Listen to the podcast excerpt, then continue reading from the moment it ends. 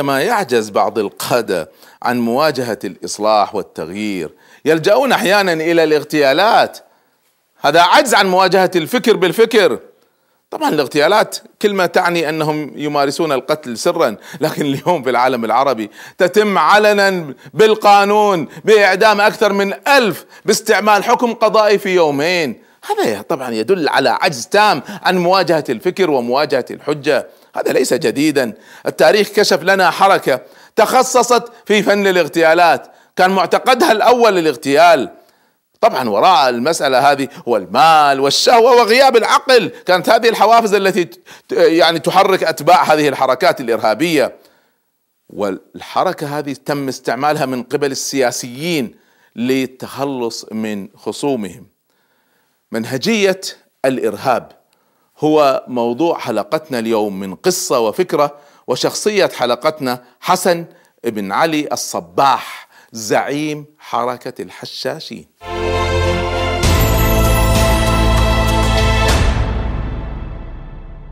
ولد حسن بن علي الصباح عام 430 هجرية 1037 ميلادي في مدينة قم اللي هي في جنوب طهران في بلاد فارس بإيران. وكانت وما زالت معقل ومحضن المذهب الاثنى عشري الشيعي. وطبعا هذا الرجل بالوراثة أخذ هذا المذهب عن والديه وبقي متمسكا بتعاليم طائعا لأوامر ونواهيه إلى أن انتقل في آه، لما صار عمره 17 سنة انتقل مع عائلته إلى مدينة الري. الري كانت المركز الرئيسي للطائفة الإسماعيلية. في المشرق العربي واختلط بهذه الطائفة أحد الفرق الإسماعيلية عدة سنوات وتأثر بأفكارهم ومعتقداتهم ثم انضم إليهم وبايعهم و وصار جزءا رئيسيا منهم في هذا الكلام لما صار في منتصف الثلاثينات كان من الإسماعيلية بعمق وترقى في درجات الإسماعيلية ولم يتبقى له سوى أن يؤدي البيعة لزعيم المذهب الإسماعيلي في إيران والعراق وكان آنذاك شخص يدعى عبد الملك ابن العطاش. رأى هذا الرجل العطاش الزعيم الإسماعيلي في المشرق رأى في الحسن بن علي الصباح بذرة جيدة يستطيع أن يستغلها سماه رجل المهمات السرية. لماذا؟ شاهد فيه براعة غير عادية. كان بارعا صار وهذا العمر فقط هذا 30 سنة. من علماء الفلسفة والحساب والهندسة والفلك والسحر وغيرها بالإضافة للعلوم الشرعية. فعينه نائبا له ثم ابتعثه إلى مصر فوصلها في عام 1087 ميلادي وبقي في مصر ثلاث سنوات. وانخرط انخرط هناك في بلاط الحاكم الفاطمي المستنصر بالله. شهدت حقبة المستنصر بالله حاكم الفاطمي تدهور اقتصادي وانفلات أمني وسياسي ما استطاع المستنصر أن يضبطه فاستنجد بقائده العسكري القوي بدر الدين الجمالي والي عكا في فلسطين كانت تابعة أيضا للدولة الفاطمية. فجاء هذا الوالي وأرسل أمن في مصر نفسها وازدهرت الدولة في ظل وجوده. وصار بدر الدين الجمالي هو الحاكم الفعلي لمصر وأصبح المستنصر الحاكم الفاطمي صورة. هذا أدى طبعا إنه المستنصر هو هو الإمام الإسماعيلي. إمام ليس الدولة وإنما أيضا إمام المذهب. فطبعا الحسن بن الصباح رجل متدين على المذهب الإسماعيلي رفض كيف يصبح إمام العوبة. فاختلف اختلاف شديد مع بدر الدين الجمالي. فقام بدر الدين الجمالي سجنه في الإسكندرية وبعدين طرده من كل مصر. فنقم عليهم. الحسن نقم على الجمالي لم ينقم على المستنصر لأنه هو هذا إمامه. فلما خرج من مصر عاد إلى الدولة السلجوقية. دولة تحكم بلاد فارس في ذلك الوقت. دولة أغلبيتها سنية يعني كانت فارس وما حولها ليست دولة شيعية كانت قم شيعية الري إسماعيلية. لكن بلاد فارس كانت دولة سنية يحكمها السلاجقة وهم من أفضل الدول التي مرت على تاريخنا الإسلامي في فترات الانحطاط. فوصل أصفهان في عام 1081 وبنى بنى علاقة مع رجل الدولة القوي الوزير نظام الملك السلجوقي. هذا الرجل من الرجال المتفردين في تاريخنا. نظام الملك احفظوه نظام الملك السلجوقي. فأكرمه نظام الملك لقدراته واحتفى به لعلمه ومهاراته.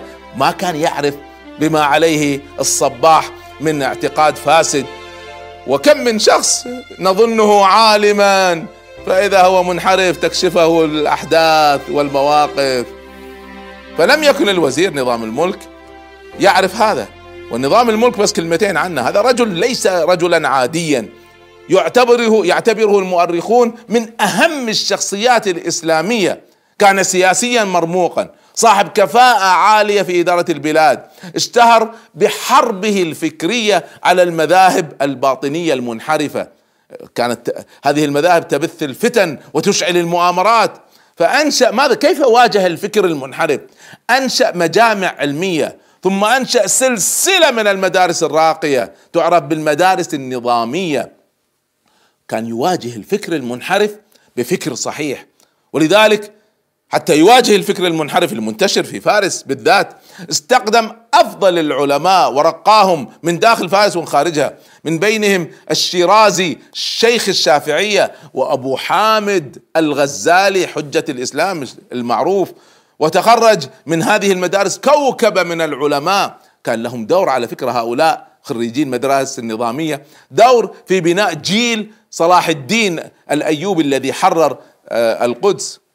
فعاش الحسن الصباح في هذه الدولة السلجوقية تسع سنوات مخفيا هويته ومخفي اعتقاده الإسماعيلي عن عن صديقه نظام الملك.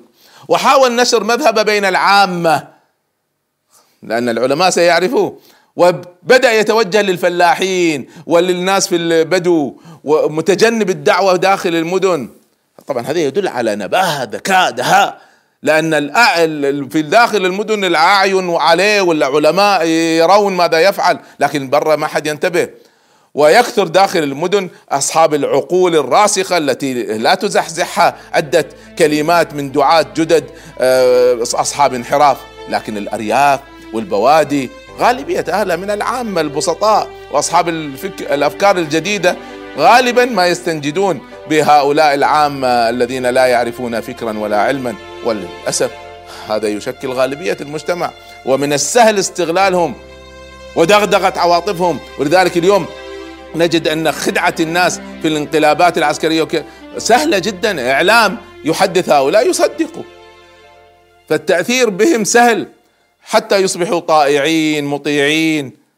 استعمل الحسن الصباح بن الصباح استعمل هذه السياسة وأصبح طبعا بهذا التحرك له دراية واسعة بجغرافيا البلاد، عرف طبيعة أهلها الفكرية، وعرف أرضها الخصبة، ووجد أن أرض فارس هي أفضل أرض لنشر وزرع بذور فكرة.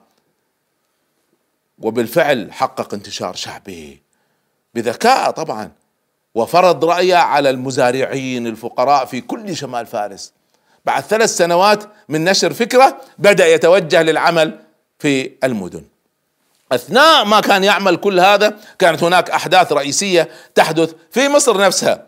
هو هو إسماعيلي وإمام الإسماعيلية هو رئيس الدولة الفاطمية زعيمة الإسماعيلية. فتوفي الحاكم المستنصر بالله عام 1094 الحاكم هو هو خليفة الدولة الفاطمية وهو زعيم الفرقة الإسماعيلية.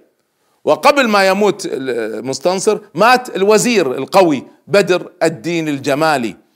فابنه الأفضل ابن بدر الدين الجمالي هو الذي كان صار وزير. فلما مات المستنصر قام بدر هذا الأفضل وقام بانقلاب قام بانقلاب وبايع المستعلي حاكما لمصر. رغم أن الابن الأكبر اللي هو ولي العهد وهو اللي أولى بالحكم مفروض هو الذي يتولى. فليش ليش الأفضل ابن بدر الدين فضل المستعلي؟ المستعلي ابن أخت بدر الدين الجمالي ها؟ بسبب عائلي. فالآن الخليفة اللي المفروض يصير خليفة الامام إمام إسماعيلية نزار تم عزله. واختلف الناس وانشق الإسماعيليون نفسهم إلى فرقتين. فرقة تسمى المستعلية نسبة إلى المستعلي اللي هو صار الخليفة الفعلي. واليوم على فكرة هذه المستعلية ما زالت موجودة اللي إذا سمعتوا عنهم يسمونهم البهرة. البهرة هم المستعلية من الفرقة الإسماعيلية. والقسم الثاني النزارية نسبة إلى من؟ نسبة إلى نزار ابن المستنصر اللي هو مفروض يكون خليفة. فأعلن حسن الصباح أنه يؤيد النزارية الإمام الصح وبدأ يدعو لها في بلاد فارس السنية. وتحديدا ركز على أصفهان. فاعتبر حسن بن علي الصباح مؤسس النزارية الإسماعيلية هذه الطائفة الجديدة وصار زعيمها في كل المشرق. ونشط ابن الصباح وأتباعه لنشر الإسماعيلية النزارية وهي ضد الإسماعيلية المستعلية في مصر في مصر. وتلقب باسم السيد في مدينة أصفهان. واستهدفوا في يوم من الأيام استهدفوا أن يدعوا واحد من المؤذنين السنة. فلما ناقشهم هذا المؤذن بسيط في مسجد ما استطاعوا أن يقنعوه بل بالعكس أقام عليهم الحجة. وأثبت أنهم على باطل. فخافوا أن يفضحهم فقتلوه. وكانت هذه أول عملية اغتيال تنفذها جماعة ابن الصباح. أنا حديثي في هذه الحلقة كلها عن الإرهاب وعن الاغتيال كوسيلة للتخلص من المخالفين. وتكشف الخبر وصل للوزير نظام الملك وعرف أن صديقه القديم ليس سوى مبشر وزعيم لحركة باطنية خطيرة فأصدر نظام الملك قرارا بملاحقة الحسن بن علي الصباح. فتم مطاردته في الجبال في الوديان واعتقل كل من له علاقة به. هنا أدرك ابن الصباح أنه لا بد أن يبحث عن مكان آمن يأوي إليه ويتحصن به وينطلق منه لتنفيذ مخططاته. تطور الأمر لما مات نزار بن المستنصر مات سجينا في سجن الإسكندرية. فهنا أعلن الحسن الصباح أن نزار ما مات. وإنما اختفى وسيعود على هيئة المهدي المنتظر. كم من أزمة في تاريخ الأمة سببها الادعاء بأن هذا هو المهدي المنتظر. هذا يجب أن تحجم هذه المسألة ويجب أن توضع في نطاقها الصحيح والالتزام بالأحاديث الصحيحة فيها. على كل حال بعد أن أجرى عملية استكشاف للأماكن التي تنطبق عليها معاييره وجد ضالته المنشودة في مكان في منتهى التحصين قلعة تقع على ارتفاع 2000 متر. لها معبر وحيد لا يستطيع أحد أن يمر إلا شخص شخص. وبالتالي هي آمنة من أي جيش وفي أسفلها سهول زراعية يستفيد منها ويستطيع أن يعيش عليها. ما قصة هذه القلعة العجيبة التي على فكرة تكلم عنها كبار المستكشفين تكلم عنها ماركو بولو. ما قصتها؟ وما قصة الحسن الصباح هذا سنعرفه بعد الفاصل إن شاء الله.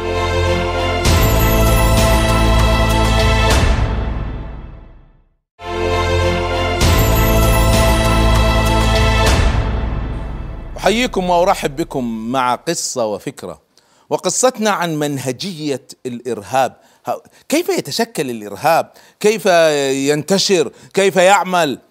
فنعرفها من خلال قصة الحشاشين الذين أسسهم حسن بن علي بن الصباح. فنكمل مع حسن بن الصباح. ذكرت لكم أنه كان يبحث عن مكان يأوي إليه يحميه من هجوم نظام الملك الوزير العظيم. فاختار قلعة عجيبة. كانت هذه القلعة العجيبة التي اختارها اسمها قلعة الا موت أو الا موت وتعني بالعربية يعني في في الفارسية. تعني بالعربية عش النسر لأنها في أعلى المكان. ويحكمها كان أمير من الطائفة العلوية المنحرفة اللي آثارها إلى اليوم نجدها في الإرهاب الذي يمارسونه في سوريا تمارس الدولة العلوية. هذه الفرقة المنحرفة العلوية قريبة من الإسماعيلية في عقائدها. يقولون وصف الرحالة ماركو بولو وصف هذه القلعة القلعة بأوصاف خيالية فيصفها. يقول أشبه بجنة بحدائقها.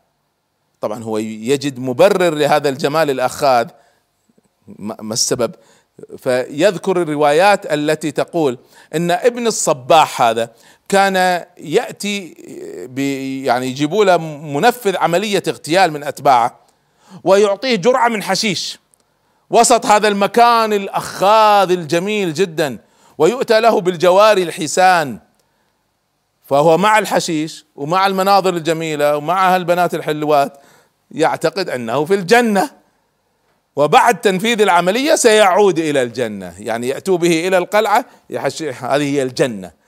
ويقال أن تسمية طائفته بالحشاشين ترجع إلى هذه الجزئية. أنه كان ينفذ مخدر آه، أو يعني كان يخدر المنفذين للعمليات بالحشيش ويتم تضليلهم حسب هذه الروايات. للعلم هذه كلها قصص وهمية. نشرها خصوم الحشاشين. من المهم أن لا نستمع لإشاعات الخصم عن خصمه.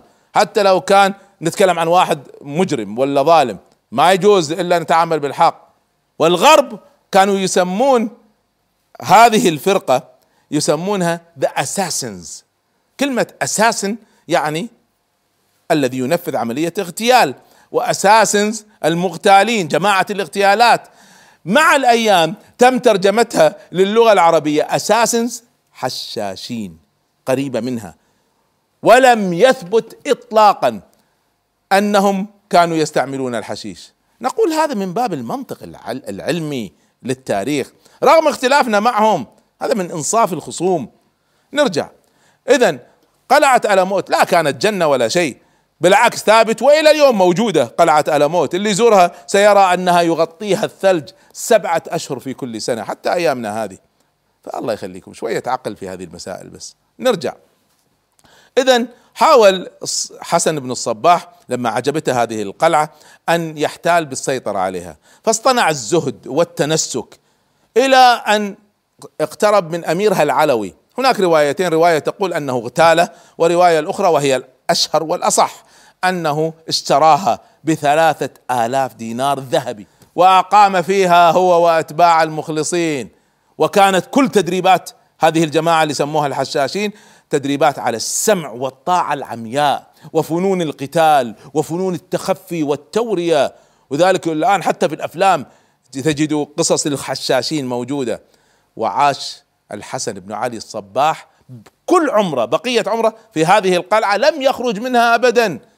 طيب إيش يعمل كل هذه السنين؟ يقضي وقته في القراءة وإدارة كسب الأنصار الجدد نشر الدعوة النزارية والتخلص من الخشوع الخصوم إذا فشل في إقناعهم والتخلص منهم بالإغتيال. قرر الوزير العظيم نظام الملك السلجوقي مواجهة هذه الفتنة التي استعملت السلاح لأن رفعوا سلاح. فأرسل قواته في عام 1092 ميلادي. ما استطاعوا أن يدخلوا. ذكرت لكم الطريق وحيد إليها واحد واحد يمروا ما استطاعوا يدخلوها. فاعتبره الحسن بن الصباح اعتبر نظام الملك عدو الأول. وأصبح الوزير العظيم نظام الملك هدفهم الأول. وبدأوا بالتخطيط لاغتيال نظام الملك رئيس الوزراء في الدولة السلجوقية في رمضان من عام 485 هجرية 1092 نفذ الحشاشون بزعامة ابن الصباح أكبر عملية اغتيال. كانت بداية سلسلة تصفيات فاغتال الحشاشون الوزير نظام الملك العظيم رحمه الله تعالى رجل الدولة السلجوقي جاءه جاءه رجل من من من أتباع الصباح كانوا يسمونه فدائي. وهذا كلمة فدائي جاءت من الحشاشين. فكانوا يسمون اللي يرسلون الاغتيال فدائي. فجاء هذا الفدائي في صورة صوفي فقير يطلب الحاجة واقترب من موكب آه، نظام الملك. فاعترضه الحرس فأمرهم نظام الملك أن يفسحوا له. فلما التقيا وضع الرجل بين يدي نظام الملك ورقة مكتوب فيها حاجته. فلما قرأها تأكد الآن هذا أنه انشغل بالقراءة طعنه بخنجر مسموم صائحا هذه هدية من الشيخ حسن. وقبض على القاتل لكن الوزير عفى عنه قبل أن يغادر الحياة وأقام ابن الصباح الذي تلقب باسم شيخ الجبل هذا اللقب الرسمي. اقاموا الاحتفالات في قلعته أسبوعين ابتهاجا بقتل خصمه صديق الأمس. كان يقول عن نظام الملك قتل هذا الشيطان وقتله هو بداية البركة. هكذا كان عداوتهم معه طبعا الدولة السلجوقية من أعظم الدول في ذاك الوقت شعرت بالإهانة والغضب. وزيرها الأكبر يقتل بهذه الطريقة وأمام الرعية وبحماية جنوده. فكان لابد من رد مزلزل ضد ابن الصباح ودولة الحشاشين فسيرت الجنود لمحاصرة قلعة ألموت على أمل أن يقضوا على ابن الصباح وفرقته لكن أيضا فشلوا في آه، الدخول إليها بسبب مناعتها وتحصينها. واستطاع الحشاشون أن يعملوا هجوم مرتد فقتلوا فخر الدين ابن نظام الملك ثم سنجور وزير السلطان السلجوقي. وصار الحشاشون أهم أعداء الدولة الفاطمية لأنهم انشقوا عنها وكانوا نزارية والخلافة العباسية والدولة السلجوقية والدولة الأيوبية فيما بعد. أهم اعدائهم هم هؤلاء. وشكلوا قاعدة للإرهاب. ما كانوا يقاتلوا كجيش. عصابات تضرب دول تضرب علماء تضرب دعاة قادة عسكريين. حتى أهل الصلاح من القادة ما نجوا منهم. ثم توفي حسن بن الصباح في قلعته عام 1124 ليس له أولاد فخلفه برزك أميد. واستمر على سياسته في الاغتيال وترك شيخ الجبل حسن الصباح وراء كتابين كتاب عن سيرته الشخصية فنحن نعرف تفاصيلها من كتابه هو والآخر عن الإلهيات اللاهوت. بعد وفاته اغتيالات استمرت بحق قيادات إسلامية سياسية دينية كبيرة. يموت زعيم الإرهابيين لكن الإرهاب ما يموت. ووصمت الجماعة باسم القاتل المأجور. ما كانت مهمة الاغتيال ضد أنداد المذاهب والفكر والسياسة اللي يخالفونهم بل صاروا صاروا يغتالوا من يدفع. أي واحد يدفع يغتال يغتالوا منه أبرز هذه الاغتيالات اغتيال الأمير مودود حاكم الموصل. للأسف شعبنا اليوم شبابنا ما يعرفوا مودود. مودود هو أول من تزعم الجهاد ضد الصليبيين أمة كانت في خشوع في خنوع. اللي حرك الجهاد مودود. من بعد مودود جاء عماد الدين زنكي ثم نور الدين زنكي ثم صلاح الدين. هو أساس الجهاد. كان راجع من انتصار على النصارى راجع من انتصار على الصليبيين فاغتاله الحشاشون. يوم الجمعة في جامع دمشق وكان صائما رحمه الله. ثم تجاوزوا كل الحدود فاغتالوا الخليفة العباسي المسترشد. كان قد أسر من قبل السلاجقة هو ومجموعة من فرسانه كان حرب بينهم وبين العباسيين. فأمر الوالي السلجوقي بإكرامه ثم أمر بإطلاق سراحة خليفة. لكن قائد الجيش عز عليه أن يطلق سراح الخليفة بعد معركة دامية طاحنة. انتصرنا عليه ومسكناه. كيف نطلقه؟ طبعا ما يستطيع يخالف أمر الوالي. فاستأجر مجموعة من الحشاشين فقتلوه في خيمة اعتقاله. في عام 1130 قام عشرة من الحشاشين باغتيال الخليفة الفاطمي الآمر بأحكام الله. في القاهرة زادت شهرتهم خطورتهم وأثناء حكم المجاهد نور الدين زنكي تحالف الحشاشون. اسمعوا تحالفوا مع ريموند ملك أنطاليا الصليبي في حملته ضد نور الدين زنكي. هو نور الدين زنكي الذي مهد لصلاح الدين. كان يسمى الملك العادل. يقال أنهم هم الذين اغتالوه رواية الأخرى وهي الأصح أنه مات بالذبحة الصدرية بعد مرض استمر 11 يوم رحمه الله تعالى. لكنهم انقلبوا على الصليبيين اللي دفعوا لهم واغتالوا الكونتريموند في طرابلس. اذا نرى أن هؤلاء الإرهابيين أداة يستعملها أعداء الأمة من حيث يشعر هؤلاء الإرهابيين أو لا يشعروا. في الحقبة الأيوبية حاولوا اغتيال صلاح الدين صلاح الدين حاولوا اغتياله أكثر من مرة. واستمروا. انتهت أسطورتهم بعد سنين. لما جاء الاجتياح المغولي من الذي خلصنا من الحشاشين؟ المغول! هم اللي خلصونا من الحشاشين.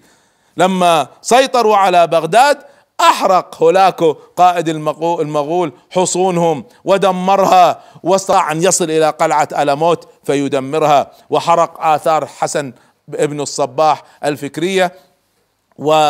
وبعد ذلك تخلص الظاهر بيبرس في الشام كان لهم وجود قوي في الشام تخلص منهم الظاهر بيبرس في 1273 لكن تعرفون كم استمر إفسادهم؟ اللي يقول هؤلاء الإرهابيين طولوا. إرهاب هذه الجماعة الإرهابية بهذه الشدة من الفساد استمر 200 سنة قرنين من الزمان في الإرهاب.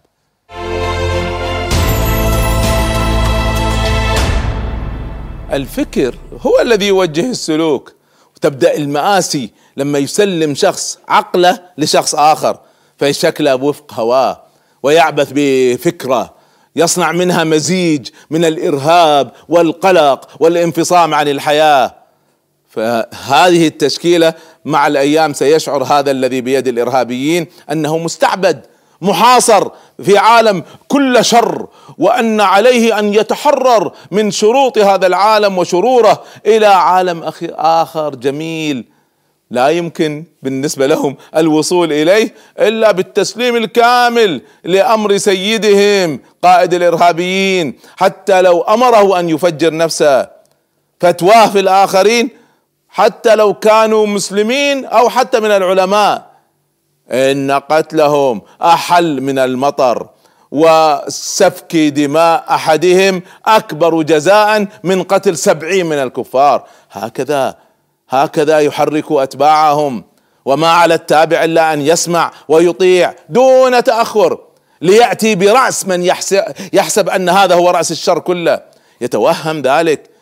فيتوهم أنه إذا فعل هذا سيدخل عالم الخلود والجنة حيث السعادة والكمال. سلبوا عقولهم. هذا هو أساس الإرهاب في التاريخ.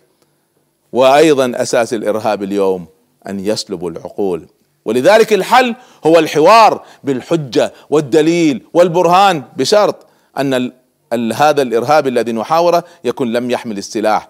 أما الحل بالنسبة لمن حمل السلاح هو أن نضرب جميعا بيد من حديد عليهم. هؤلاء احفظوها. هؤلاء ليسوا خطرا على الأمن. هؤلاء خطر كذلك على الإسلام نفسه. قبل أن استودعكم الله انشروا عنا الإرهاب والإغتيال سلاح الضعفاء الذين عجزوا عن المواجهة بالفكر. من حمل الإرهاب كتب على صدره خال من الفكر.